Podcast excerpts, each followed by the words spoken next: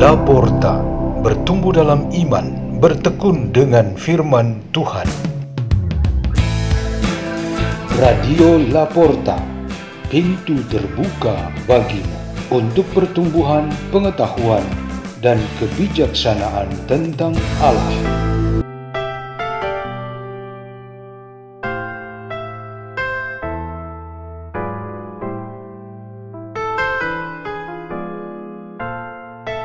Bacaan dan Renungan Sabda Tuhan Hari Minggu Biasa ke-21 27 Agustus 2023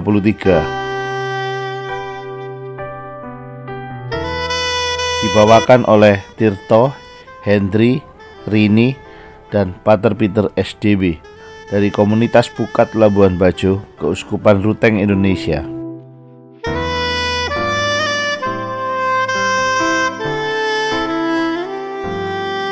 Bacaan dari kitab Yesaya bab 22 ayat 19 sampai 23. Beginilah firman Tuhan kepada Sepna yang mengurus istana raja. Aku akan melemparkan engkau dari jabatanmu dan dari pangkatmu engkau akan dijatuhkan.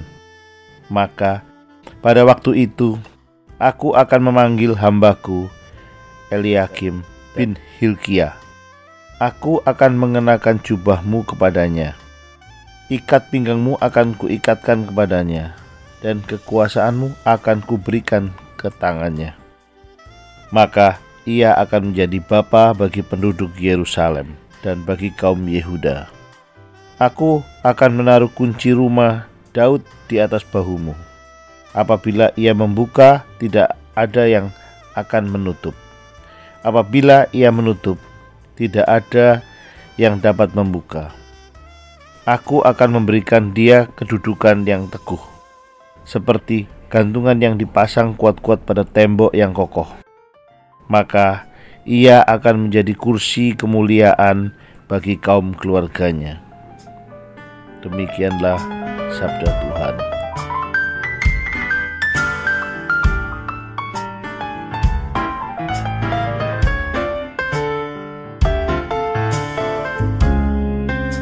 Bacaan dari surat Rasul Paulus kepada jemaat di Roma bab 11 ayat 33 sampai 36. Saudara-saudara, alangkah dalamnya kekayaan, kebijaksanaan dan pengetahuan Allah. Sungguh tak terselidiki keputusannya, sungguh tak terselami jalan-jalannya. Sebab siapakah yang mengetahui pikiran Tuhan? Atau siapakah yang pernah menjadi penasihatnya? Atau siapakah yang pernah memberikan sesuatu kepada Allah sehingga Allah wajib menggantikannya? Sebab segala sesuatu berasal dari Dia, ada karena Allah dan menuju kepada Allah. Bagi dialah kemuliaan selama-lamanya. Demikianlah sabda Tuhan.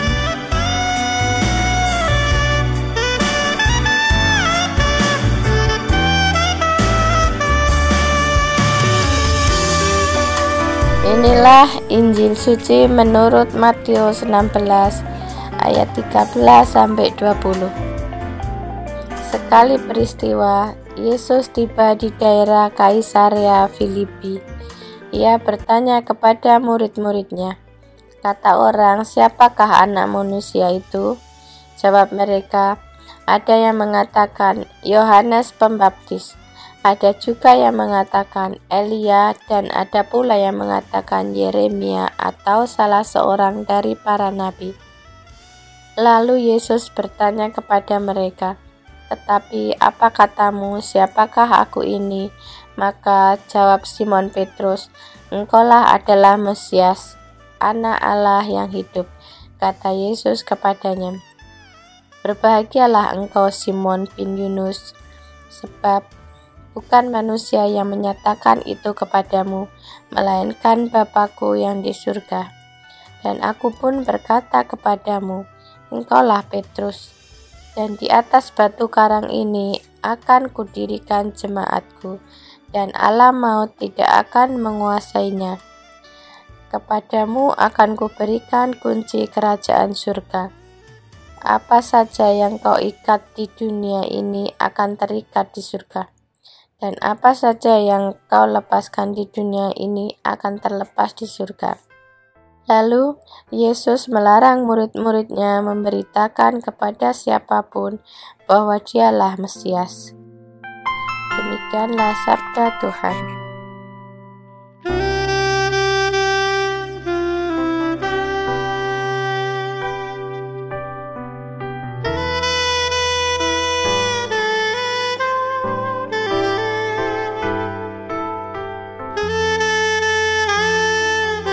Tema renungan kita pada hari Minggu biasa ke-21 ini ialah yang sudah dipilih Tuhan, terjadilah.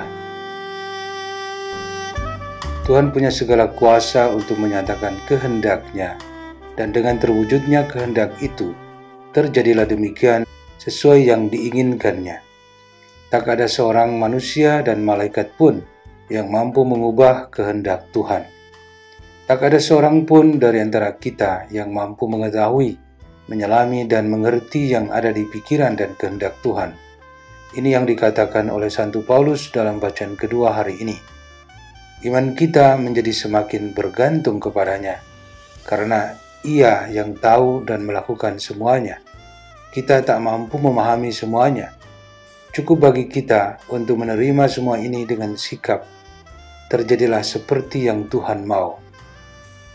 Jika presiden atau paus saja punya hak istimewa untuk sebuah keputusan final, apalagi Tuhan yang Maha Kuasa pasti hak istimewa itu memang Maha Kuasa seperti yang kita imani.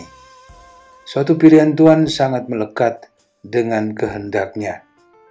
Di dalam kisah-kisah kitab suci sangat terkenal bagaimana Tuhan Allah lebih mengunggulkan pihak yang kecil, muda, dan tak diperhitungkan kalau sudah demikianlah pilihan itu, terjadilah demikian adanya.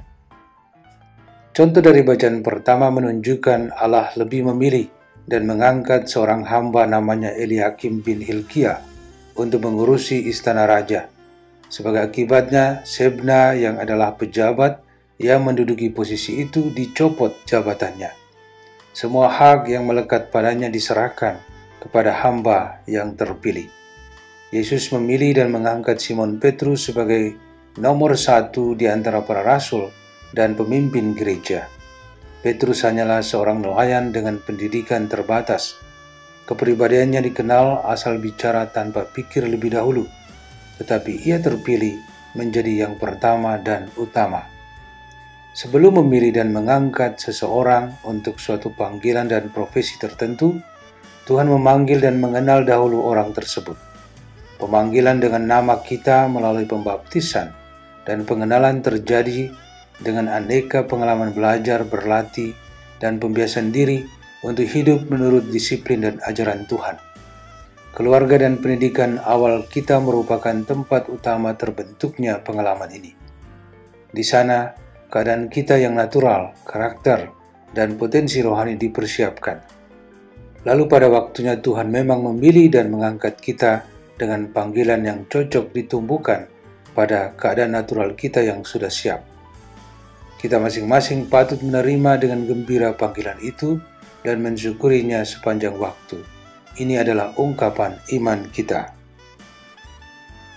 Marilah kita berdoa dalam nama Bapa dan Putra dan Roh Kudus. Amin.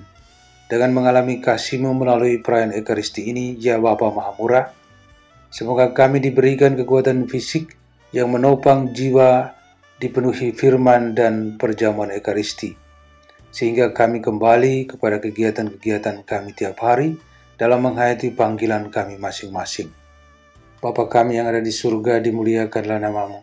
Datanglah kerajaanmu, jadilah kehendakmu di atas bumi seperti di dalam surga. Berilah kami rezeki pada hari ini dan ampunilah kesalahan kami, seperti kami pun mengampuni yang bersalah kepada kami dan janganlah masukkan kami ke dalam pencobaan, tetapi bebaskanlah kami dari yang jahat. Amin. Dalam nama Bapa dan Putra dan Roh Kudus. Amin.